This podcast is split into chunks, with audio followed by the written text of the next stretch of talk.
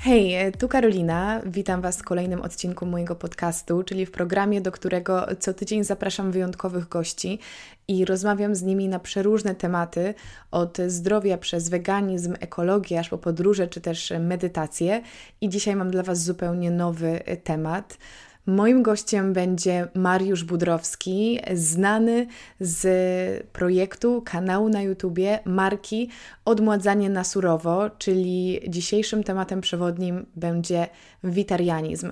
Witarianizm jest to mówiąc w bardziej uproszczony sposób, surowy weganizm i Mariusz wraz ze swoją ekipą, ze swoim teamem zajmują się odmładzaniem Polski na surowo. Sami przeszli ze swoją e, małżonką długą drogę do zdrowia i sprawdzając na sobie samych i ucząc się od najlepszych, edukując, czytając książki, znaleźli sposób na to, aby żyć w pełni zdrowia e, i w tym pomóc ma nam właśnie pożywienie. Także my z Mariuszem mieliśmy przyjemność poznać się ostatnio w Warszawie i nie mogłam przepuścić tej okazji, żeby nagrać podcast po to, aby razem z Wami nauczyć się nieco więcej o witarianizmie. Także oczywiście tłumaczymy, co to jest. Mariusz dzieli się nie tylko swoją historią, ale też tym, co je na co dzień i poruszamy wszelkie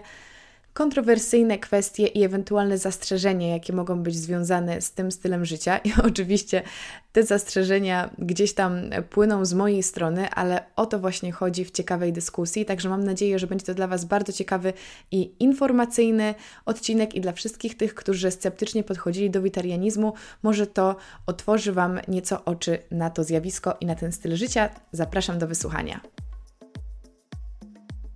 Mariusz, witam Cię serdecznie w moim programie. E, bardzo jest mi miło, że przyjąłeś moje zaproszenie, żeby być gościem podcastu i jestem bardzo szczęśliwa, że możemy porozmawiać na temat, którego jeszcze tutaj nie było. A jest to temat bardzo bliski Twojemu sercu i jest to temat, który jest całym Twoim życiem, bo jest to witarianizm. Na sam początek wyjaśnij nam, czym jest witarianizm, bo ja często tak mam w swoich e, programach, że zaczynam jakiś temat, rozmowa się rozwija, a zapomniałam o tym, że warto by też te podstawy czasem wyjaśnić, bo nie wszyscy mogą wiedzieć, e, z czym to się je. Dosłownie. Więc e, powiedz nam, czym jest witarianizm i jak znalazł się w Twoim życiu. Dziękuję Karolina, że mnie tutaj zaprosiłaś. To niezmierna przyjemność uczestniczyć w tym podcaście. Mam nadzieję, że uda nam się zainspirować kogoś i przekazać informacje najważniejsze, jeśli chodzi o nasze zdrowie.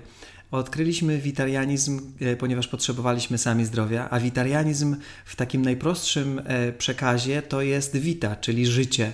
To jest życie, czyli e, spożywamy przede wszystkim pokarmy. Pokarmy, które mają życie, które nie są w ogóle zabite poprzez ogień, poprzez podgrzewanie powyżej temperatury 48 stopni. Czyli wszystkie pokarmy są najbliżej natury, jak to jest tylko możliwe. W większości nasze pokarmy w ogóle nie są przetwarzane w, w jakikolwiek sposób termiczny ale niektóre rzeczy lubimy zjeść cieplejsze i wtedy e, używamy specjalnych urządzeń, które podgrzewają te pokarmy do 48 stopni.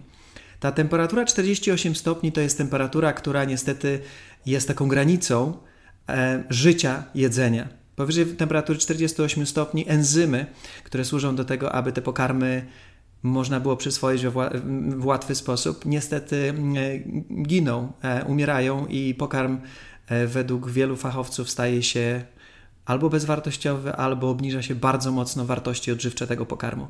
A myśmy odkryli to podróżując w drodze do zdrowia u siebie. No i trafiliśmy w pewnym momencie na witarianizm. Tutaj nasuwa mi się wiele pytań, które mam wrażenie, że też nasuną się naszym słuchaczom. Po pierwsze, warto powiedzieć, że witarianizm jest odnogą weganizmu, czyli na start już nie jemy żadnych produktów pochodzenia zwierzęcego. Zgadza się? Tak. I do tego jeszcze nie poddajemy ich obróbce termicznej. Prawie żadnej. Prawie żadnej. Czyli co tak naprawdę jecie? Jemy wszystko. Ponad 70 tysięcy jadalnych roślin na świecie, y, które możemy jeść. E, w zasadzie wszystkie warzywa i owoce poza ziemniakami, których nie polecamy. Z, na surowo.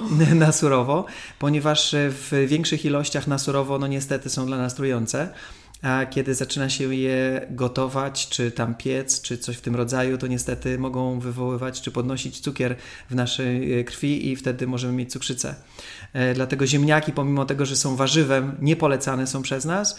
E, no i jest jeszcze bakłażan, jest kilka rzeczy, które Teoretycznie można jeść, kiedy się je gotuje, ale w praktyce no, po prostu no, nie mają być może zbyt wielu wartości odżywczych, pomimo tego, że są smaczne. I nie mówię tutaj, żebyśmy nie, zrozum- nie zrozumiały mnie źle.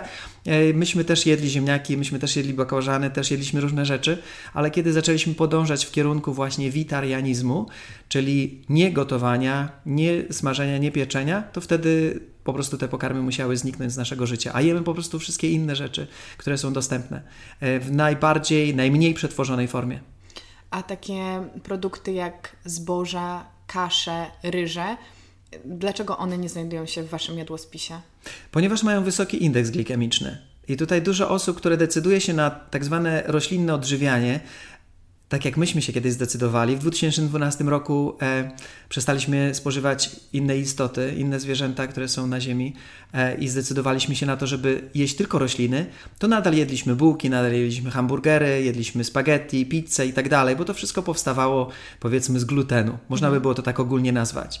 E, I w pewnym momencie dowiedzieliśmy się, że niestety ten, te zboża mogą wpływać, kiedy się je zamieni w nowo termicznie, mogą wpływać na to, że podnosi nam się glukoza e, i może mogą powodować cukrzycę. Mogą powodować przede wszystkim insulinooporność.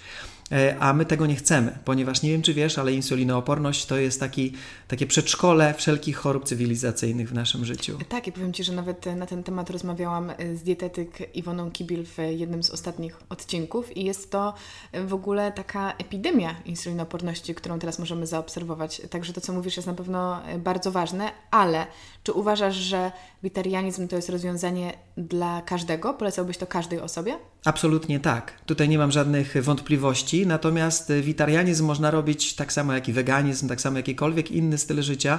Można robić dobrze i można robić byle jak. Dobrze to oznacza, że jemy pokarmy wszelkiego rodzaju, które są dostępne, ale w takich rozsądnych ilościach różne bo niektórzy sobie myślą, że witarianizm to jest jedzenie selera od rana do nocy, e, zagryzanie pomidorem e, i może jeszcze, nie wiem, jakiejś tam sałaty, którą się gdzieś tam kupi paczkowaną, a tak naprawdę w tych roślinach może nie być wystarczająco wartości odżywczych. Stąd też w naszym projekcie przekazujemy wszelkie informacje związane z tym, jakie pokarmy ze sobą łączyć, jakich nie łączyć. Napisaliśmy też dwie książki, żeby opisać te rzeczy. Nakręciliśmy ponad 600 filmów na ten temat, po to, żeby powiedzieć, które pokarmy są nam niezbędne, których powinniśmy, o których powinniśmy się dowiedzieć, bo na przykład niewiele osób wie na przykład o jarmużu. Mhm. Bo jeśli wystarczyłoby na przykład wprowadzić ze wszystkich sałat czy kapust, które są dostępne, wprowadzić jarmuż do, swojej, do swojego życia e, i już zapewnilibyśmy sobie duże, dużą ilość składników odżywczych. Awokado a ja nazywam awokado, e, jest to owoc, nazywam to pokarmem kompletnym, ponieważ zawiera e, praktycznie wszystkie witaminy, zawiera e, niesamowite tłuszcze. Jest wspaniałe. Jest cudowne i po prostu no nasz syn od pięciu lat w zasadzie dwie trzecie jego pokarmów to, to jest awokado. Ma dzisiaj 20 lat, jest pięknym, wyrośniętym, zbudowanym mężczyzną. My się śmiejemy, że on został zbudowany z awokado, bo dla niego to jest po prostu pokarm. I dlatego wiem, że to jest pokarm kompletny, nie tylko dlatego, że on to je, ale dlatego, że naukowcy się w ten sposób wypowiadają. Także chodzi mi o to, że ten witarianizm można robić słabo, byle jak, kupując byle jakie jedzenie, jak również można go robić poprawnie i wtedy jest to absolutnie dla każdego. E, dostarczamy sobie w ten sposób e, właśnie składniki odżywcze. Ale powiedziałbyś, że są jakieś przeciwwskazania? Absolutnie Są osoby, które nie, nie będą dobrze się czuły na takiej diecie? Czy myślisz, że dobrze, dobrana, dobrze dobrane posiłki będą odpowiednie dla, dla każdego człowieka? Świetne pytanie. To jest pytanie, które jakby trzeba by było rozdzielić na dwie odpowiedzi. Pierwsza odpowiedź to jest taka, co to jest źle się czują. Czy, mhm. czy złe samopoczucie ktoś będzie miał. Większość osób myśli, że jak boli je głowa, to to jest problem głowy. Większość osób myśli, że jak mają zapalenie gardła, to trzeba iść i leczyć gardło. Albo wziąć pastylkę. Albo wziąć jakąś pastylkę, albo trzeba coś zrobić z tym gardłem. Trzeba, no może niektóre osoby już na tyle czują się y, wyedukowane, że myślą, że pastylkę farmaceutyczną nie trzeba brać na gardło, ale szukają wtedy związków innych, ziołowych i tak dalej, tak dalej, ale nadal to jest leczenie. Natomiast nasze ciało, z tego co udało nam się ustalić, w ogóle tego leczenia nie potrzebuje, ponieważ to nie jest leczenie. Jeśli masz problemy z gardłem, jeśli cię ci z nosa, jeśli boli cię gardło, to nie są problemy związane z tym, że jesteś chory. To są problemy związane z tym, że twoje ciało chce coś wyrzucić na zewnątrz. Chcesz coś ci powiedzieć. Chce ci coś powiedzieć. Słuchaj, To, co spożywasz, powoduje, że się zaflegmiasz i cieknie ci z tego powodu z nosa. Ja muszę tą flegmę stworzyć, żeby pozbyć się tych toksyn, żeby pozbyć się tych zarazków. Przestań jeść te rzeczy, a przestaniesz się zaflegmiać. Ktoś ma na przykład trądzik, problemy z trądzikiem. Ja mówię, słuchaj, to nie jest problem trądziku, to jest problem twojej skóry, która chce wyrzucić na zewnątrz rzeczy, których nie, powinna, nie powinieneś czy nie powinnaś zjadać. Dlatego, że skóra jest największym organem wydalniczym naszego ciała. E, to są rureczki. To jest po prostu kompleks rurek, które są połączone ze sobą. Tak samo wchłaniamy, tak samo wydalamy. Dlatego pierwsza rzecz to jest zrozumieć, że to nie są choroby. I nie możemy powiedzieć, że ktoś się źle czuje po, po na przykład na, po byciu witarianinem. E, proces przejścia na witarianizm może być takim procesem oczyszczania. I wtedy te osoby, które zaczynają na przykład pić dużo soków, zaczynają jeść szejki, e, dużo więcej warzyw spożywać, ale miały też dużo tłuszczu u siebie, to w tym tłuszczu znajdują się toksyny. I ciało będzie chciało oczyścić się z tych toksyn. I wtedy możesz się źle czuć, ale to nie jest choroba. Możecie nawet, nie wiem, możesz mieć chorobę morską, czy objawy choroby morskiej, możesz mieć grypę, możesz mieć ból głowy, możesz mieć zawroty głowy, możesz mieć trądzik. No po prostu różne rzeczy mogą się pojawić. I teraz trzeba to przetrwać. Czyli pierwsza, najważniejsza była rzecz zrozumieć, że to nie jest choroba, mhm. że to jest pozbywanie się tych toksyn zgromadzonych przez lata w Twoim organizmie w tłuszczu. Teraz wydalisz te toksyny, jak przetrwasz ten okres 3, 6, może 18 miesięcy, to wtedy przestaniesz mieć objawy. To tak jak my już mamy, po trzech latach niejedzenia gotowanych pokarmów, my nie mamy kataru, nas nie boli głowa, my nie mamy żadnych nudności, nie mamy żadnych problemów, ponieważ przetrwaliśmy ten okres, który był może trudniejszy trochę, zrozumieliśmy wcześniej, że to jest taki okres przejściowy e, i wtedy, e, no, mogę powiedzieć, że to jest dla wszystkich. Wystarczy tylko przetrwać. To, co mówisz, jest bardzo ciekawe i nasuwa mi bardzo wiele pytań. Pierwsze z nich, powiedziałeś, że naukowcy odkryli działanie korzystne danych produktów, czy też diety witariańskiej, ale skoro już to zostało odkryte, to czemu nie jest to powszechna wiedza? To jest dla mnie zawsze y, ciekawe, to jest y, pewien ewenement, że mnie się wydaje, że pewne rzeczy z zakresu zdrowia są oczywiste i każdy powinien mieć dostęp do tej wiedzy, a zewsząd słyszymy sprzeczne informacje, to skoro jest tyle, wiemy tyle dobrego o diecie, która bazuje na owocach i warzywach, czemu nie słyszymy o tym w telewizji? Wiesz o co chodzi? No właśnie, no właśnie. To jest, widzisz, no nie chciałbym tutaj snucić Ciebie na kanale y, żadnych teorii spiskowych. Dawaj. Natomiast y, na pewno są pewne lobby, które nie są zainteresowane tym, żebyśmy byli zdrowi. Bo wyobraź sobie taką sytuację, Karolinko, że my wszyscy teraz wyzdrowieliśmy. Albo nie musimy iść do przychodni czy do y, szpitala, żeby się leczyć. Będzie to związane z tym, że nie będzie tam wizyty. Czyli ktoś nie otrzyma pieniędzy za naszą chorobę. Jak również leków pewne leki się nie sprzedadzą. Czyli pewne lobby nie będzie zainteresowane tym, żebyśmy wyzdrowieli. Inne lobby będzie zainteresowane tym, żebyśmy dalej jedli zwierzęta, żebyśmy pili mleko. Jak popatrzysz, y, jak ewaluowały mleczarnie w ostatnich latach, to się stały olbrzymie konglomeraty.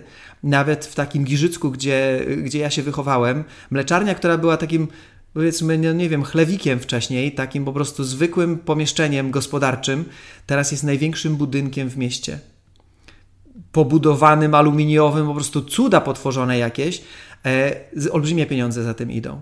Olbrzymie pieniądze idą zatem z Unii Europejskiej, żeby wspierać takie rolnictwo, żeby wspierać hodowlę krów. Ostatnio nawet słyszałem, że w Polsce jest do tej pory tam 500, plus, a teraz po 500 zł będą dawać dla osoby, która ma krowę. Nie wiem, czy to ma być raz na miesiąc, czy raz na rok. To wszystko pieniądze tworzone z powietrza. Nie, dobry żart. Tak, to wszystko są pieniądze tworzone z powietrza drukowane i one są przekazywane po to, żeby wspierać ten przemysł. I teraz ten przemysł część wykorzysta oczywiście na zbudowanie pięknych mleczarni, a część wykorzysta na propagandę. I będzie reklama w telewizji, pij mleko, będziesz wielki, e, rób to, rób tamto i tak dalej. No, to są olbrzymie pieniądze. My tak naprawdę nie jesteśmy chyba w stanie e, my blogerzy, vlogerzy, nie wiem, youtuberzy, nie do końca jesteśmy w stanie e, z tym w jakikolwiek sposób walczyć i my nie chcemy walczyć tak naprawdę, chcemy edukować. Nasz, pro, nasz projekt jest na temat edukacji e, i, i chcemy przekazać informację, że no my spożywając te pokarmy wyzdrowieliśmy.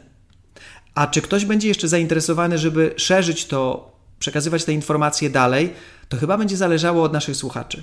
Ja myślę, że to będzie od osób zależało, które to obejrzą, wysłuchają e, i one się, mam nadzieję, troszeczkę zastanowią nad tym i wtedy My możemy jakby tutaj na parterze, że tak powiem, u podstaw zmienić troszeczkę ideologię i wtedy nie będziemy się patrzeć, dlaczego nikt o tym nie mówi, dlaczego nie ma reklam w telewizji, dlaczego coś tam i tak dalej, chociaż więc coraz więcej jest programów na ten temat w telewizji, sama wiesz o tym, prawda? Znaczy, ja się w ogóle z Tobą w pełni zgadzam, zarówno jeżeli chodzi o teorie konspiracyjne tutaj, bo też, e, też e, podzielam twoją, Twoje zdanie i jakby zawsze mówię o tym, że jestem przeciwna lekom, nie mówię, że w każdej sytuacji, ale szczególnie w przypadku owego kataru czy bólu gardła i jakby przemysł farmaceutyczny to jest temat na osobną debatę, ale nawet powiem Ci, że w takim świecie wegańskim nadal witarianizm nie jest czymś, nie jest normą. Nadal jest już takim odchyleniem. I na pewno się z tym, na pewno się z tym y, spotykasz, dlatego mówię jakby bez ogródek, jak to wygląda, mm, bo to już się wydaje być bardzo ekstremalne. Wydaje się, że to już jest zbyt duże wyrzeczenie, że to jest niesmaczne, skomplikowane i to już brzmi jakby na pewno nas mogło sprowadzić tylko na drogę choroby, a nie wyzdrowienia. I ciekawi mnie, jak Wy walczycie właśnie z tymi stereotypami i co najbardziej dociera do Waszych odbiorców. Świetne pytanie. Przede wszystkim zacznę od końca. My nie walczymy. Fajnie, że to powiedziałaś, ale no ja tak, tutaj, cudzysłowie. tutaj, cudzysłowie oczywiście, e, to jest przekazywanie wiedzy cały czas, od początku do końca. E, jeśli ktoś zechce zastosować, to zastosuje. Jeśli ktoś znajdzie jakąś wymówkę, to na pewno znajdzie wymówkę. E, jeśli ktoś jest zdrowy, to na pewno trudno jest do takiej osoby dotrzeć, bo jeśli ktoś się dobrze czuje i nawet są takie komentarze u nas pod filmami, no dobra, ale ja się świetnie czuję, mam 30 lat, jem to co wszyscy i jest ze mną ok. I ja zawsze mówię, świetnie, jeśli czujesz się ok, to być może to jest dla ciebie jeszcze daleka droga. Natomiast te osoby w wieku 35 lat nagle docierają do tego kresu, bo ty jesteś bardzo młodziutka jeszcze, ja mam 44 lata, e, ale z tego, z tego co udało nam się ustalić, to mniej więcej w wieku 35 do 40 lat w, w naszym organizmie przestają funkcjonować pewne rzeczy. Nasze ciało zaczyna mieć problemy z tarczycą, nasze ciało zaczyna mieć problemy z pęcherzykiem żółciowym, mamy problemy z wysokim cholesterolem, mamy problemy z cukrzycą, rozwijają się różnego rodzaju nowotwory. E, mnóstwo kobiet przed 40 ma usuniętą pierś, ma usunięte jajniki, e, macicę itd., tak itd. Tak to wszystko zaczyna się w, dużo wcześniej. Tylko bardzo ciężko jest to połączyć, bo nasze ciało z rozpędu, kiedy przychodzimy na ten świat, ma mnóstwo energii, mnóstwo takiej siły życia. To tak jak kiełki, które kiełkują z nasiona, one mają siłę maksymalną, żeby wzrastać. Natomiast kiedy zaczynają się robić rośliną, to już dużo y, kiełków niestety uschnie, padnie, bo to za dużo słońca, bo to za, dużo, za mało deszczu, bo to ziemia niedobra, bo to to, bo to tamto. Nie ma tej energii. I młodość jest y, piękna, bo wtedy jest ta energia, bo zabieramy tą energię dostaliśmy tą energię jakby w spadku. W momencie, kiedy jemy pokarmy, które nie powinny się u nas znaleźć, to ta energia wygasa i zaczynają się choroby. E, dlatego witarianizm nie jest jeszcze do końca taki rozpowszechniony, ponieważ osoby, które są przyzwyczajone do jedzenia tradycyjnych pokarmów, nie łączą przede wszystkim jedzenia z chorobami. Czyli to są osoby dorosłe, to są osoby mojego pokolenia, e, czy osoby starsze. Nie wiedzą, że jedzenie ma znaczenie. Część osób może słyszała takie powiedzenie Hipokratesa, niech pożywienie stanie się pokarmem, a, poka a pokarm lekarstwem, mhm. czyli po powiedzenie Hipok Hipokratesa, ale nie jest w stanie tego totalnie połączyć, bo nie wie, co to jest leczenie przez pokarm. I tutaj dopiero łatwiej i łatwiej nam jest rozmawiać z osobami, które są właśnie po 35 roku życia, bo one już mają powód. Mhm. I wtedy szukają rozwiązania. Dużo trudniej jest z osobami takimi, które są młode, które ideologicznie chcą podejść do weganizmu na przykład, czyli chcą przestać jeść zwierzęta. One jeszcze nic nie, nie czują, one nie czują różnicy, czy zjedzą hamburgera y, pieczonego z bułką y, i tak dalej, smażonego kotleta y, wegańskiego na patelni, czy zjedzą surowego hamburgera. Jeszcze one tutaj nie odczują tej różnicy, bo tak jak nie powiedziałem. Nie mamy tutaj na myśli surowego mięsa. Dokładnie, dokładnie. I tutaj jest jakby. Y, chcielibyśmy dotrzeć. Chcielibyśmy dotrzeć i powiedzieć: słuchajcie, to jest naturalny proces. Jeśli chcecie pozostać zdrowi, to naturalnym krokiem jest przejście z weganizmu do witarianizmu. Ale też to nie musi się stać od razu. Kiedy jesteś młody, poużywaj tego życia. Bądź zadowolony z tego, co jesz, jak jesz i co jest wokół ciebie. Jeśli jesteś weganinem, jeśli jesteś osobą, która już nie wykorzystuje zwierząt do swojego jedzenia czy ubierania się, to już jest wielki plus. Ja jestem, ja jestem za tym i zawsze będę takim osobą przyklaskiwał, dlatego bardzo mocno chcieliśmy się z Tobą, Karolina, spotkać i też nakręciliśmy filmik z Tobą, ponieważ to jest bardzo ważne, bo to jest początek. A później z czasem te osoby, które są weganami, bardzo łatwo przechodzą na witarianizm, bo to jest kolejna, kolejny stopień ewolu e, ewoluowania jakby. I teraz weganów w Ameryce na przykład jest około 10%, czy osób, które się deklaruje, że jest weganami, tak? To jest bardzo dużo. To jest bardzo dużo, bo to jest 30 milionów ludzi. Ok, bo Ameryka ponad 300 milionów ludzi, czyli 30 milionów ludzi deklaruje się, że jest weganami, z czego 1% zaledwie to są witarianie. Czyli to są osoby najczęściej młode, dlatego aż tylu masz blogerów, vlogerów, y, youtuberów, którzy kręcą filmy, że są weganami i tak dalej, ponieważ jest to taka moda, jest to taki trend i tak dalej. Co nie zmienia faktu, że jest to świetna moda. Ja zawsze mówię, Cudowna. to jest najlepszy trend na świecie. Cudowna, cudowna, a rośnie po prostu w y, olbrzymim tempie. Jest to największy trend y, zeszłego roku, a w tym roku w ogóle okrzyknięty naj, naj, największym, naj, naj, naj, największym trendem na świecie. I, i, I to będzie proces. Czyli osoby dojdą. My już jesteśmy w miejscu, gdzie, są, gdzie jest witarianizm i zachęcamy wszystkich, którzy są weganami, żeby jak najwięcej pokarmów surowych zjadali bez przetwarzania ich termicznej. No właśnie, ale czy jest coś takiego jak na przykład flexiwitarianizm, że ja jestem weganką, ale staram się jeść jak najwięcej surowych rzeczy i jednocześnie raz na jakiś czas lub też na przykład jeden posiłek dziennie jest gotowany, a reszta jest surowa. Czy coś takiego Waszym zdaniem jest Pewnie, Dobre? to jest nawet, wiesz, to jest tak, to jest nawet lepsze niż, niż bycie z, z takim zwykłym weganinem. Znaczy zwykłym, to jest zły wyraz.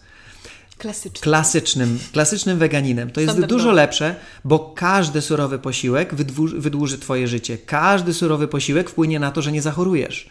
W momencie, kiedy będziesz weganinem yy, zbyt długo, to jedzenie tych bułek, jedzenie makaronów, jedzenie pizzy może niekorzystnie wpłynąć na Twój organizm insulinooporność, o której wcześniej mówiliśmy, powstanie mimo wszystko. Będzie to wolniejszy proces e, i, i, i może się faktycznie nic nie wydarzyć, jeśli wszystko Twój organizm będzie dobrze funkcjonował, ale im więcej wprowadzisz surowych pokarmów w ciągu dnia, tym dużo większe szanse, że zostaniesz zdrowy całe życie. Ja muszę trochę Cię e, podręczyć teraz. Śmiało. Bo powiedziałeś przed chwilą, że e, jeżeli ktoś jest młody, to już niech poużywa życia i zje te hamburgery z tą bułką. Czy to oznacza, że witarianizm to jest tak, że jednak coś nas omija? Że ten smak nie jest wystarczająco dobry? Mm, bardzo ciekawie podeszłaś do tego tematu. Chodziło mi bardziej o to. Cho tak nie, to... Świetnie, świetnie. Bardzo ciekawie do tego podeszłaś. Myślę, że tak. Przede wszystkim witarianizm jest tak samo smaczny, jak i weganizm. E, witarianizm będzie troszeczkę wymagał o przygotowanie jedzenia bo restauracji witariańskich jako takich jeszcze nie ma. Czy są restauracje, które mają jeden na przykład posiłek w menu, który jest niegotowany. I zawsze jest to makaron z cukinii. Właśnie i tutaj jakby jeszcze jesteśmy, jest, jeszcze jesteśmy przed trendem. My jesteśmy tak naprawdę przed trendem, to my będziemy ten trend tworzyć. Szczególnie w Polsce. Tak. To jest zupełna nowość. Tak, i ten trend będziemy tworzyć, dlatego powiedziałem, że y, dlaczego chciałbym, żeby młodzi ludzie zostali chociażby tymi wegan, weganami? Bo już bardzo dobrą drogę wybrali, czyli dobry kierunek. E, I w tym kierunku warto podążać. Natomiast jak poszukają sobie drogi do witarianizmu, nie wiem, chociażby naszą książkę gdzieś zdobędą, na surowo, którą żeśmy napisali, to tam znajdą hamburgery, które powstały bez pieczenia, bez smażenia, bez gotowania i wtedy będą mogli te hamburgery dalej jeść. To są cudowne, cała buzia śliny, bo to są tak niesamowite, smaczne rzeczy. Yy, smakują identycznie nawet i lepiej niż takie gotowane rzeczy. Ale powiedziałem, to jest proces. I nie chciałbym, żeby ktoś pomyślał sobie, a tam ten witarianizm to jest trudny. Mhm. Niech lepiej zostanie weganinem przez chwilę, żeby poczuć tą różnicę pomiędzy niejedzeniem, e, jedzeniem tradycyjnie, a właśnie by, byciem weganinem i dopiero wtedy następny kroczek postawi do witarianizmu. Ale część osób zdecyduje się od razu i wskoczy na witarianizm.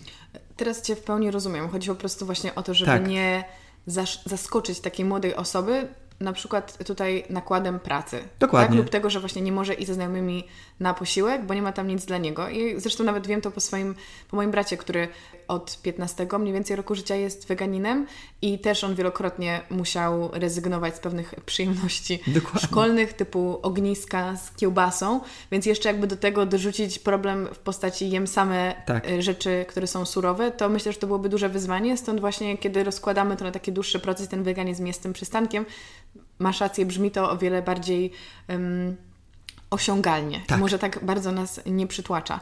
Y, w takim razie mam do Ciebie najważniejsze pytanie, które zawsze zadaję osobom, które są ze świata jedzenia, czyli co jesz w ciągu dnia, jak wygląda Twój jadłospis, mm. ile posiłków dziennie, co się w nich znajduje, bardzo jestem ciekawa.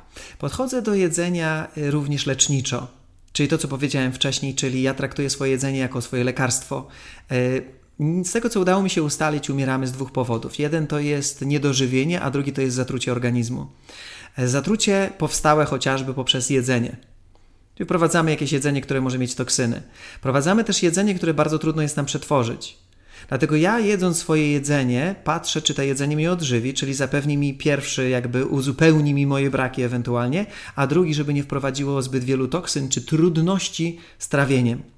I ja zaczynam dzień o 11. Jedze, znaczy je, o 11. Zaczynam jedzenie o 11. 5-6 e, godzin po wstaniu. E, Stosuję również tak zwaną czasową głodówkę. Mhm. Jest Czyli to intermittent fasting. Intermittent fasting. I dlatego powiedziałem, że to też jest le leczenie, ponieważ e, wprowadzam pokarmy dwa razy dziennie. Mam dwa okienka żywieniowe. Jeden zaczynam o 11, kończę o 12.30, a drugie okienko żywieniowe zaczynam o 16, kończę o 17.30. Zaraz wytłumaczę, co to są okienka mhm. żywieniowe. E, I jem dwa razy dziennie, tak jakby po to, żeby nie wprowadzać do swojego organizmu zbyt dużo pokarmów, ale też wprowadzić do mojego organizmu takie pokarmy, które łatwo będą się trawić. I numer jeden pokarm, który zaczynam dzień o godzinie 11, wypijam sok, który dzisiaj piłaś. Tak, polecam. Z 7, 8, 9 składników to są warzywa połączone z jabłkiem. To odżywia moje ciało. Z tego, co udało nam się ustalić, nasze, nasz układ pokarmowy działa jak wyciskarka do soków. Każdy pokarm, który wpadnie do żołądka, potrzebujemy zamienić na sok, ponieważ tylko soki przedostają się przez jelita do naszego układu, wszędzie indziej, do całego naszego ciała. I teraz, kiedy wprowadzasz sok, czyli on jest wstępnie obrobiony, to ten sok jest już gotowy do wchłonięcia. I wtedy moje ciało nie używa żadnej energii, żeby przyswoić ten pokarm. Czyli ja numer jeden wypijam sobie sok. Po pół godzinie Zjadam pokarm dla swojej flory bakteryjnej. Gdzieś to takie jest troszeczkę do góry nogami poprzewracany niż u, u większości osób. Pierwszy, pierwszy sok, drugi to jest dla flory bakteryjnej. Flora bakteryjna żywi się błonnikiem. Coś, co nie jest wchłaniane przez nasze ciało. Wiele osób mówi, jak jesteś na diecie roślinnej, przecież my błonnika nie wchłaniamy. To dobrze, bo nasza flora bakteryjna nie miałaby co jeść. I y, zjadam wtedy szejka albo zjadam sałatkę. Najczęściej to jest jednak szejk żeby ta forma płynna też była wprowadzona, żeby jak najmniej energii zużyć. Zobacz, wypiliśmy sok, zjedliśmy szejka przed chwilką, energia nigdzie nie poszła w żadnym kierunku. My dalej jesteśmy pełni energii, ponieważ tutaj nie ma żadnej energii wydatkowanej na trawienie. I jako trzeci element, na przykład zjadam sobie jakiś deser lub jakąś, nie wiem, miskę owoców albo kilka jabłek dla przyjemności, ponieważ ja uwielbiam owoce. I uwielbiam tak samo desery. I to jest moje śniadanie. Na obiad zjadam e, coś, co Agnieszka przygotuje, na przykład z książki na surowo, albo olbrzymią sałatkę, w której jest kilkanaście składników, e, którą też na naszym kanale można zobaczyć, można zobaczyć w przepisach. I tą sałatkę wciągam gdzieś przez 45 minut, pół godziny do 45 minut. Później zjadam znowu jakiś deser po pół godzinie i wypijam sok na koniec dnia wyciśnięty z owoców, na przykład z melona. I w ten sposób jem. To jest moje jedzenie. Dwa razy dziennie, po trzy załóżmy składniki w jednym z posiłków, w jednym z okienek żywieniowych. I w ten sposób odżywiam swoje ciało i jestem zdrowy dzięki temu. Jesteś ogromną bazą informacji i to jest dla mnie fascynujące, że, że tyle wiesz na temat waszego stylu życia, co oczywiście ma sens, bo o tym uczycie i o tym piszecie książki, ale ciekawi mnie, skąd czerpaliście informacje, skąd czerpiecie informacje, gdzie znajdujecie te materiały, które Was edukują. Zbliżamy się już do prawie 600 książek, które przeczytaliśmy na temat zdrowia. Na temat zdrowia, jedzenia, leczenia poprzez jedzenie. E, uczestniczyliśmy w różnego rodzaju szkoleniach tak samo. Jeździliśmy, zainteresowaliśmy się tym, tym tematem, kiedy sami zdrowieli, zdrowieliśmy, zdrowieliśmy, czy chcieliśmy dojść do zdrowia.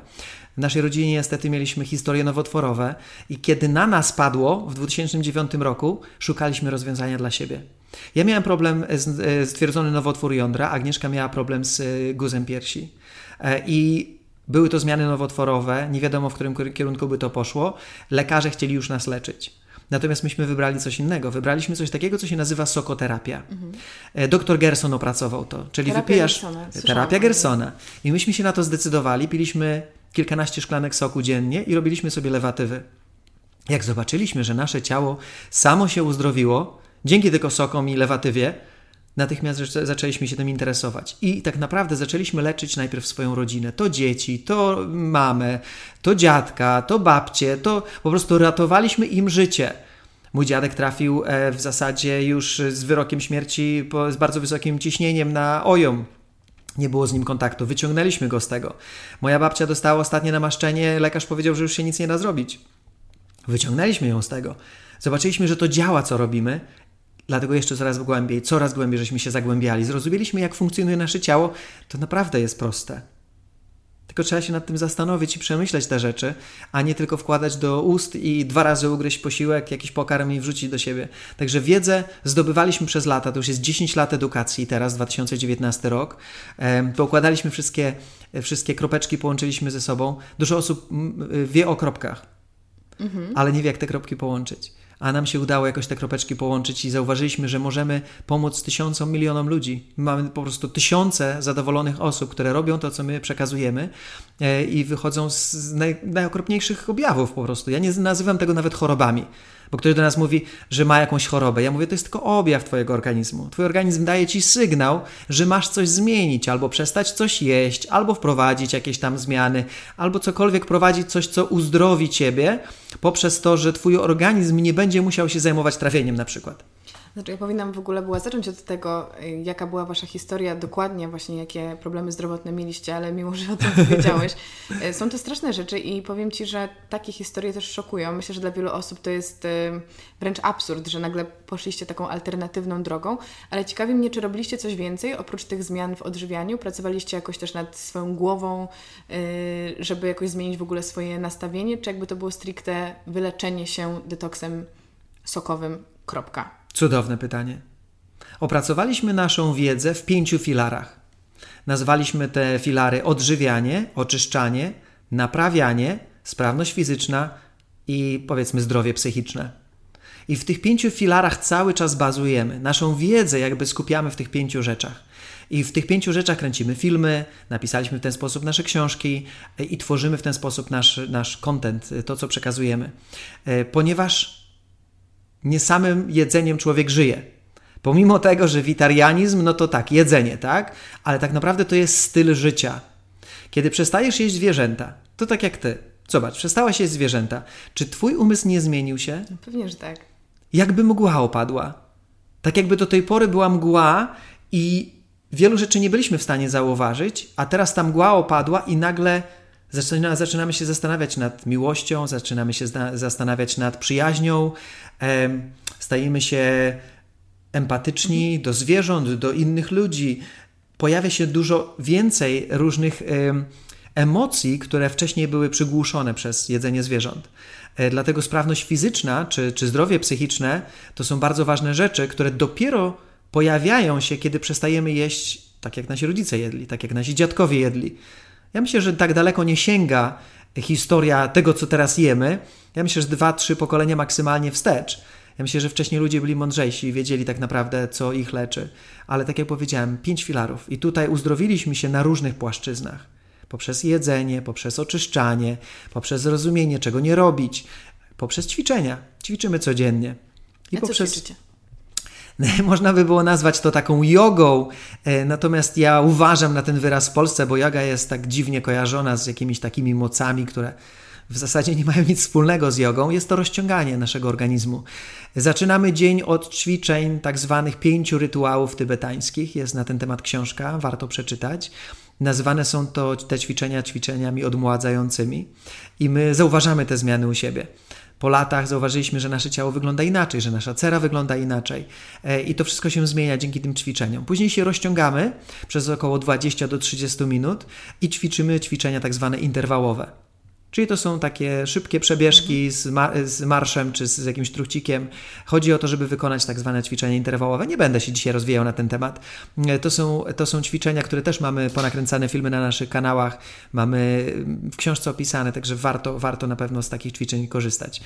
Nie jesteśmy z kolei tutaj jak to dobrze powiedzieć, żeby nikogo nie urazić. Nie jesteśmy zwolennikami e, takiego długiego biegania na przykład. Może raz na jakiś czas powiedz maraton, jest ok.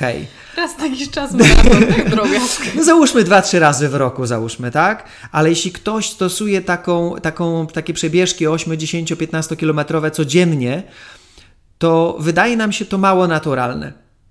Yy, wiesz, poszukując wiedzy jakby do zdrowia i do tego, jak nasze ciało funkcjonuje, yy, doszliśmy do, takiej, do takiego wniosku, że warto zadać sobie pytanie – Czy pierwotny człowiek robił to, co my w tym momencie chcemy zrobić? Czy pierwotny człowiek biegał codziennie 15 kilometrów? Dla, dla przyjemności. Dla przyjemności. Bo jeśli ktoś powie, tak, tak, na pewno biegał, no to okej. Okay. Ale mi się wydaje, że chyba nie. Mi się wydaje, że raczej byliśmy w tym kierunku, że no trzeba coś zjeść, do, znaleźć do jedzenia. Musieliśmy szybko biec, bo musieliśmy uciec od jakiegoś drapieżnika w lesie, ale w zasadzie no to na pewno nie biegaliśmy moim zdaniem. E, gdzieś tam chodzenie na siłownię i tak dalej, to tutaj też mówię, no nie chcę nikogo urazić, ale no nie sądzę, że człowiek kiedyś się rozwijał do takiej skali, żeby wyglądać jak, wiesz, rozbudowany goryl. E, myślę, że mężczyzna też musi normalnie wyglądać, a...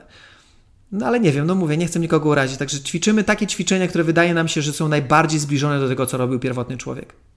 A ciekawi mnie ten filar ostatni, czyli kwestia zdrowia psychicznego. Czy tutaj zaszły jakieś zmiany u Was? Olbrzymie.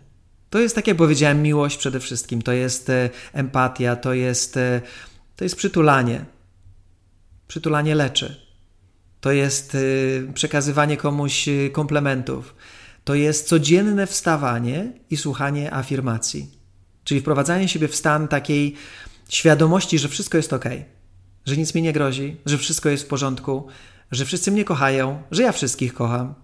Wiem, że to tak troszeczkę dziwnie brzmi, ale taki świat jest piękniejszy. E, dodatkowo piszemy codziennie podziękowania, za co jesteśmy wdzięczni, bo to ta wdzięczność nas ulecza. Większość osób trzyma się choroby, bo nie jest wdzięczna za to, że żyje. A wystarczyłoby, żeby podziękowała za ten następny, kolejny dzień, że jest tutaj, że może żyć, że może oddychać, że może przeprowadzić cudowny wywiad z taką osobą jak ty. E, no i co, jak tu nie być wdzięcznym? Jedna rzecz to jest to, że się wyleczyliście, co jest piękną historią. Natomiast, żeby chcieć szerzyć to dalej, pomagać innym, to już jest kolejny krok. Jak to się stało, że stwierdziliście, że chcecie mówić o tym do, szerszej, do szerszego grona odbiorców i teraz rozrastacie się? Y, pytanie bardziej y, ogólne, czym się zajmujecie na co dzień, jaka jest Wasza misja? Wow, to jest takie, wydaje się, no, no prozaiczne takie tak naprawdę, bo na początku zaczęliśmy się dzielić dlatego, że y, nasi przyjaciele zauważyli zmiany u nas wiedzieli o naszych chorobach, wiedzieli, że wyzdrowieliśmy e, i zaczęli, zaczęli do nas mówić, no ale czemu tym się nie dzielicie? Powiedzcie szerzej o tym wszystkim, tak? Podzielcie się tą informacją ze światem. E, no nie wiedzieliśmy, jak zostaniemy odebrani, no ale jakoś się udało, że tak powiem, tak? Albo się nie udało, albo po prostu byliśmy wytrwali w tym, że żeśmy się dzielili, przez to e, dotarliśmy tutaj, gdzie jesteśmy w tym momencie, ale myśmy nawet nie zaczęli jeszcze tego tak naprawdę robić. I to była taka, taka po prostu chęć podzielenia się. Druga rzecz to, słyszałaś o piramidzie Maslowa, tak? Tak, pewnie. Okay? I, i, I no co, według piramidy, no to zapewniamy sobie tam te podstawowe funkcje związane z jedzeniem, ze spaniem, z seksem i z rozmnażaniem i tak dalej. Później wchodzą następne, następne i następne. W momencie, kiedy zapewnisz kilka szczebelków w piramidzie Maslowa, czyli zapewnisz sobie swój byt, bezpieczeństwo. bezpieczeństwo i te wszystkie inne rzeczy, to zaczynasz podążać w kierunku takiego, nie wiem, oświecenia, nie wiem jak to nazwać, takiej innej. Mhm. Samospełnienia. Samospełnienia, właśnie, czegoś takiego, e, gdzie, mm, gdzie chcesz się podzielić. To jest taka, taka chęć podzielenia się i pomocy innym. Też przez wiele osób niezrozumiała, dlaczego ktoś by chciał się dzielić. Dlaczego nie chcesz tego zatrzymać dla siebie? Ja wolę się podzielić. Bo też jeszcze taką zasadę uznaję: pokaż mi swoje, pięciu swoich przyjaciół, a powiem ci, kim jesteś. I ja chcę mieć pięciu przyjaciół, którzy są zdrowi, którzy myślą podobnie jak ja, którzy tworzą środowisko, które jest przyjazne dla mnie do życia. Kiedy ja w środowisku będę miał osoby, które będą się przytulać, kiedy ja w środowisku będę miał osoby, które będą kierować się miłością, a nie walką, a nie zaborczością, czy, czy powiedzmy, nie wiem, nawet no po prostu wszystkie negatywne ceny, cechy, nie chciałbym tutaj ich wymieniać w tym momencie, to, to mi będzie lepiej tak samo. Takie troszeczkę samolubne to jest może, można by było powiedzieć, ale w dobrym słowa znaczeniu. Tak, ja myślę, że trzeba być samolubnym po to, żeby móc być lepszym dla innych. Dokładnie. Jakby dlatego warto myśleć o sobie w pierwszej kolejności, tak jak dla dużej części społeczeństwa, mam wrażenie, będzie to uznane za egoizm, to jest właśnie to, ta odwrotność. Tak. Bo jeżeli ja nie zadbam o siebie, to jak mam zadbać o innych? Dokładnie. To w takim razie co, czym się zajmujecie, co planujecie, gdzie jesteście i gdzie Was można e, znaleźć. Bardzo mnie ciekawią Wasze plany i działania.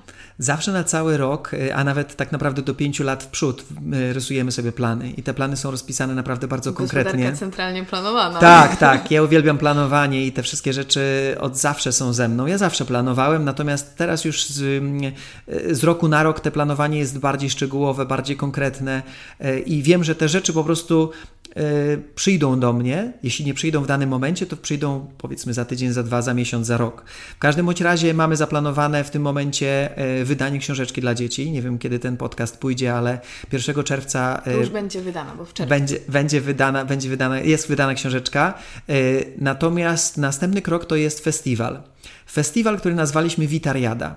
12, 13, 14 lipca będzie to pierwszy festiwal e, pod gołym niebem, z namiotem, e, gdzie zaprosiliśmy, e, nie wiem, chyba siedmiu czy ośmiu wykonawców estradowych z pierwszych stron gazet, typu Szymon Wydra, typu Future Folk, Gural i tak dalej, i tak dalej. Osoby, które na co dzień grają w telewizji i, tak, i po różnych festiwalach i koncertach. Zaprosiliśmy ich na Witariadę po to, żeby osoby, które do nas przyjadą, mogły posłuchać dobrej, fajnej muzyki i się pobawić. Poza tym w ciągu dnia zaprosiliśmy cudownych prelegentów, takich jak Karolina Sobańska, po to, żeby podzielili się swoją pasją, po to, żeby zainspirowali wszystkich, którzy tam dołączą do nas, do tego festiwalu, e, do, tego, do tych zmian, żeby zainspirowali do zmian, bo każdy będzie miał inny inny start z innego miejsca. Inni przyjdą, bo są, y, nie, nie, czują się zdrowo. Inni przyjdą, bo chcą, nie wiem, zbawiać świat. Inni po prostu, no bo chcą, żeby nie była ta planeta zanieczyszczona i tak dalej. Także chcemy te wszystkie środowiska zebrać razem i stworzyć takie miejsce w środku lata, gdzie mamy nadzieję będzie przyjemnie, ciepło i wszyscy będziemy mogli się pobawić, potańczyć, posłuchać cudownej muzyki. I zjeść. I zjeść, oczywiście. Przecież to będzie jedzenie witariańskie, które będzie wszędzie po prostu e, można dostać. E, także festiwal na pewno, e, to jest pierwszy, tak jak powiedziałem, ale na pewno wpisze się w kalendarz i mamy zaplanowane co najmniej 20 lat corocznego festiwalu. Mamy nadzieję, że wyrośnie to do takiej skali co najmniej jak Woodstock albo i większe. E, druga rzecz to są e, spotkania, które organizujemy w zamkniętych obiektach. I takie spotkanie będzie 21 i 22 września. Nazywaliśmy to surowe życie, gdzie zapraszamy również gości, e, gdzie przekazujemy od, e, krok po kroku, co zrobić, żeby wyzdrowieć. Ponieważ wiele osób do nas mówiło, Mariusz, no filmy są fajne, można was pooglądać, ale jest tego tyle, że nie wiadomo gdzie zacząć. Gdzie, po prostu wiesz, złapią jeden czy drugi film, jak gdzieś tam mówię o insulinooporności, jak ktoś ma problem ze wzrokiem, nie wie gdzie tego szukać. Dlatego zorganizowaliśmy te spotkania, żeby w takiej szerszej troszeczkę skali podzielić się wiedzą. I przez dwa dni dzielimy się wiedzą. Również artyści są na scenie, również są różnego rodzaju e, proste rzeczy, które pokazujemy, takie jak akupresura, jak pozbyć się bólu w 30 sekund. Boli cię głowa? Pokażę ci, jak przestała, żeby ci głowa przestała boleć w 30 sekund. E, poza tym tworzymy tam społeczność. To coś, co odróżnia nas od wielu projektów różnego rodzaju stworzyliśmy cudowną społeczność. Społeczność Surowe Życie. To jest społeczność, gdzie ludzie przychodzą, wymieniają się telefonami i mogą dalej, jak nie ma spotkania, mogą między sobą się wymieniać na Facebooku, być razem, na Instagramie, wspierać się nawzajem w tej drodze do zdrowia, do takiego yy, cudownego uzdrowienia, do takiego miejsca, gdzie my się znajdujemy. Także po to też robimy. Także spotkania Surowe Życie, spotkanie Witariada, no i piszemy następną książkę. Dlaczego boli? To będzie, mam nadzieję, hit, ponieważ w tej książce dużo tajemnic zdradzimy. Takich tajemnic naszego świata, bez suplementów, bez leków, jak doprowadzić swoje ciało do funkcjonowania. No bardzo jestem ciekawa tej książki, ale jeszcze y, bardzo ważna kwestia to to, że mieszkacie w Hiszpanii na co dzień. Jak to się stało, że znaleźliście się w Hiszpanii? Dlaczego nie ma Was w Polsce? I jak udaje Wam się robić to, co robicie zdalnie? I czy Wasza przyszłość jest w Hiszpanii? O, nie wiemy tego, trudno powiedzieć. E, w... No, na najbliższe 5 lat wiesz mniej tak, więcej, tak, co się tak. będzie działo. Tak, tylko że chodzi o, to, chodzi o to, że my tak naprawdę nie przywiązujemy wagi do miejsca. I to jest takie troszeczkę może dziwne, ale mm, nigdy nie mieliśmy takiej e, potrzeby, raz zostaliśmy troszeczkę tak jakby przymuszeni sytuacją, żeby kupić sobie dom w Anglii i wybudowaliśmy wielki dom w Anglii, przebudowaliśmy go w ogóle i tak dalej, ale pozbyliśmy się go, bo doszliśmy do wniosku, że my w tym domu spędzamy zbyt mało czasu, żeby go w ogóle posiadać. Mhm. Jesteśmy tak jak ty, e, globtroterami.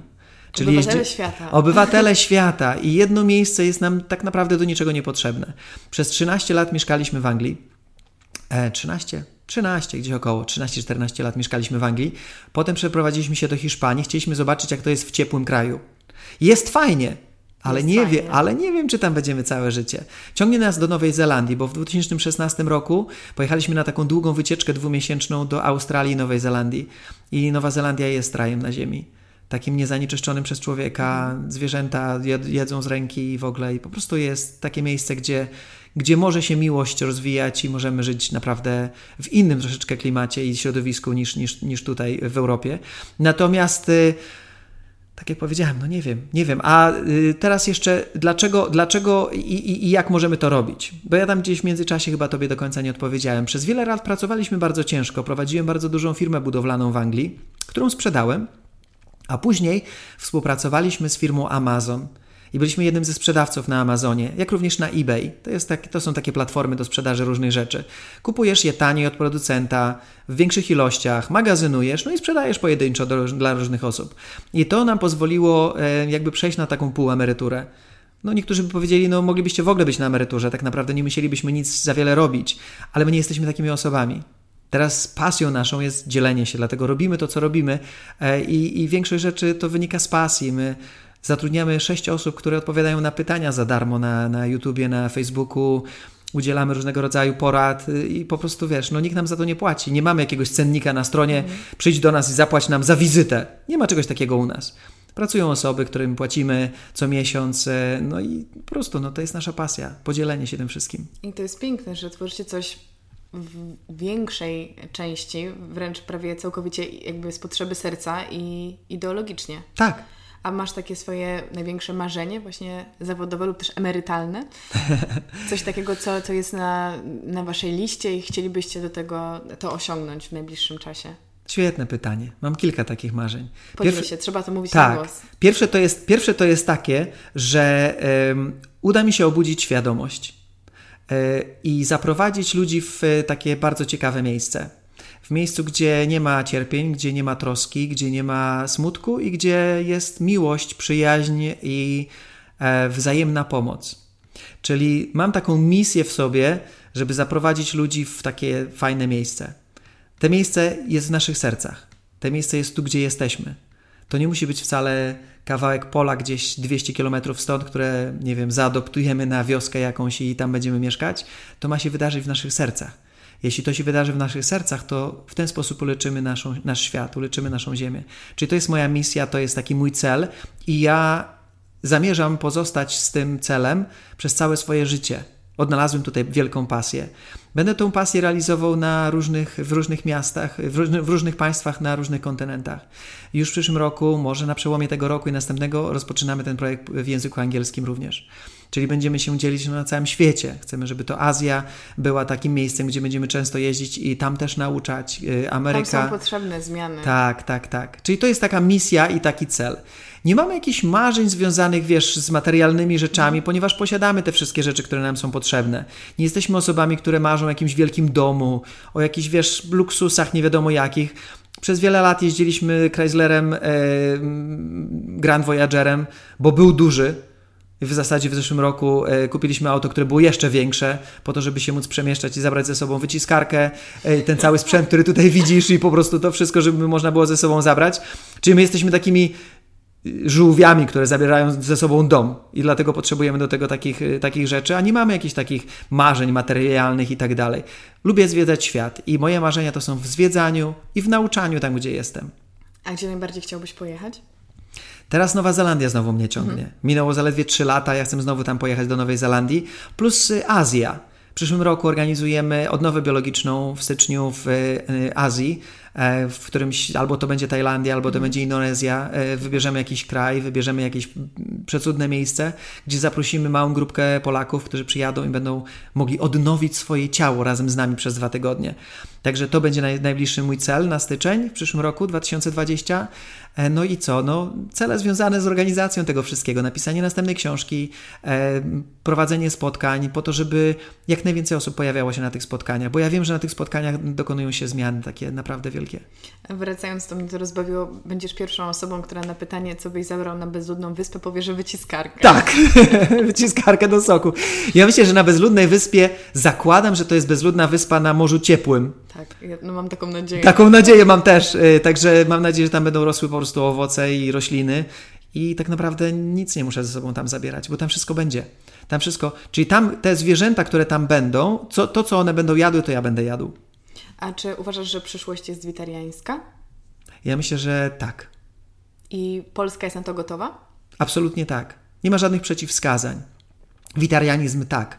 Troszeczkę może nie frutarianizm, mhm. Ponieważ jest to taki, taka jakby y, szersza droga, bardziej dogłębna, zrozumienie tego, że jedyne faktycznie rośliny, które nie cierpią y, przy zerwaniu, to są właśnie owoce, y, bo drzewo dalej rośnie i w następnym roku da nam następne owoce, że to może być pierwotny pokarm człowieka, że to może być coś, co kiedyś odżywiało człowieka pierwotnego.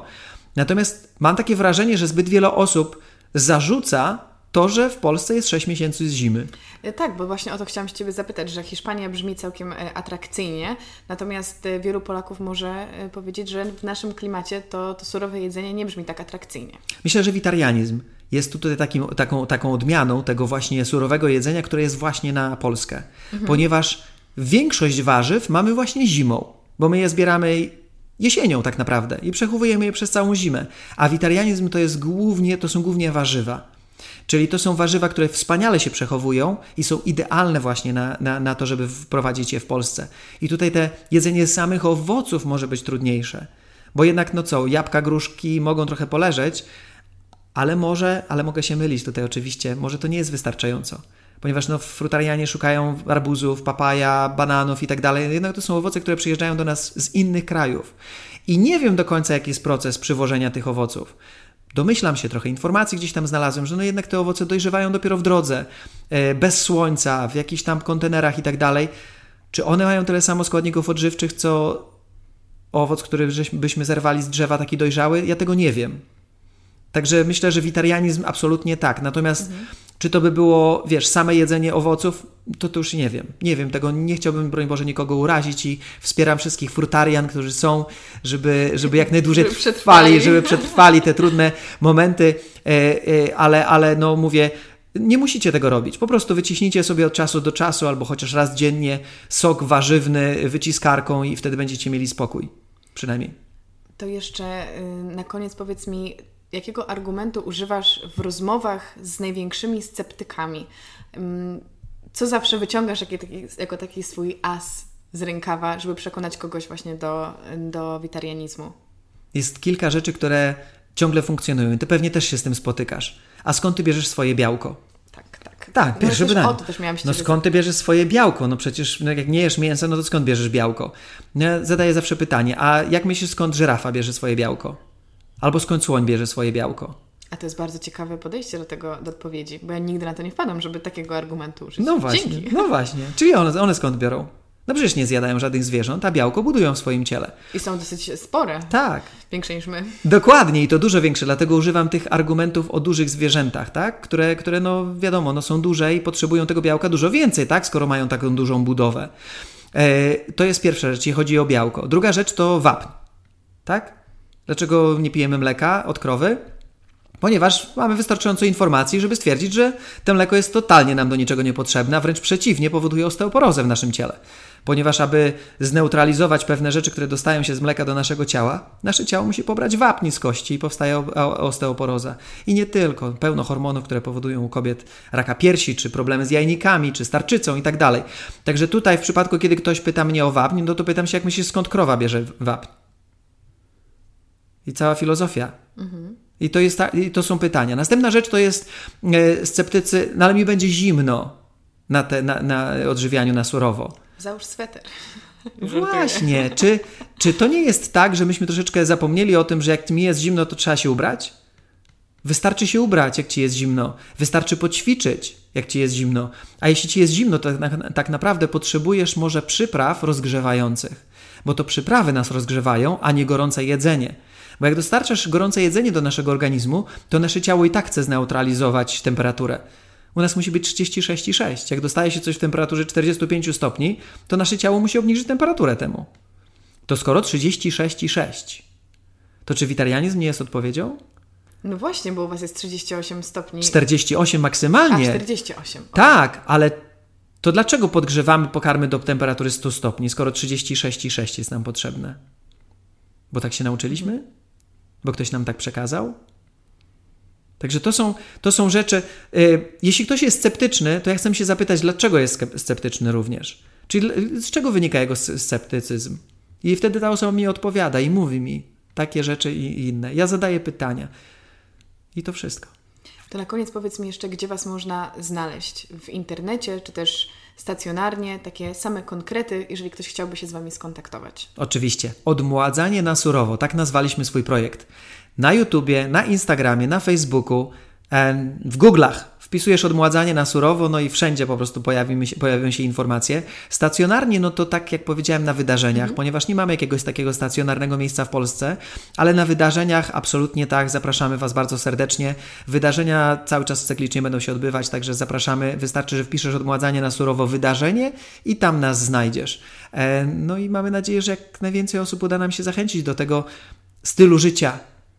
Weganizm surowy. Pewnie. Ja oczywiście podlinkuję wszelkie informacje na Wasz temat, aby wszyscy mogli na Was trafić, a Tobie życzę wszystkiego dobrego całej Waszej ekipie, żebyście nadal mieli w sobie tyle pasji i motywacji, żeby szerzyć dalej swoją e, misję i swoją bardzo, bardzo ważną wiadomość, którą macie do przekazania światu. Trzymam za Was kciuki i dziękuję Ci bardzo, że byłeś gościem mojego programu. Dziękuję Ci bardzo, Karolina. To była niesamowita przyjemność. Bardzo się cieszę, że mogłem tutaj z Tobą być. Dziękuję i do usłyszenia. Pa! Dziękuję Wam bardzo za wysłuchanie tego odcinka. Mam nadzieję, że wynieśliście z niego wiele nowych informacji. Ja z całego serca zapraszam Was do wzięcia udziału w Witariadzie. Jest to, tak jak mówiliśmy, festiwal wegański, festiwal surowego jedzenia, wyjątkowa inicjatywa w Serocku pod Warszawą 12-14 lipca i będę miała przyjemność mieć tam swoje wystąpienie, także jeżeli macie ochotę wysłuchać mnie, ale też się spotkać, to naprawdę serdecznie zapraszam.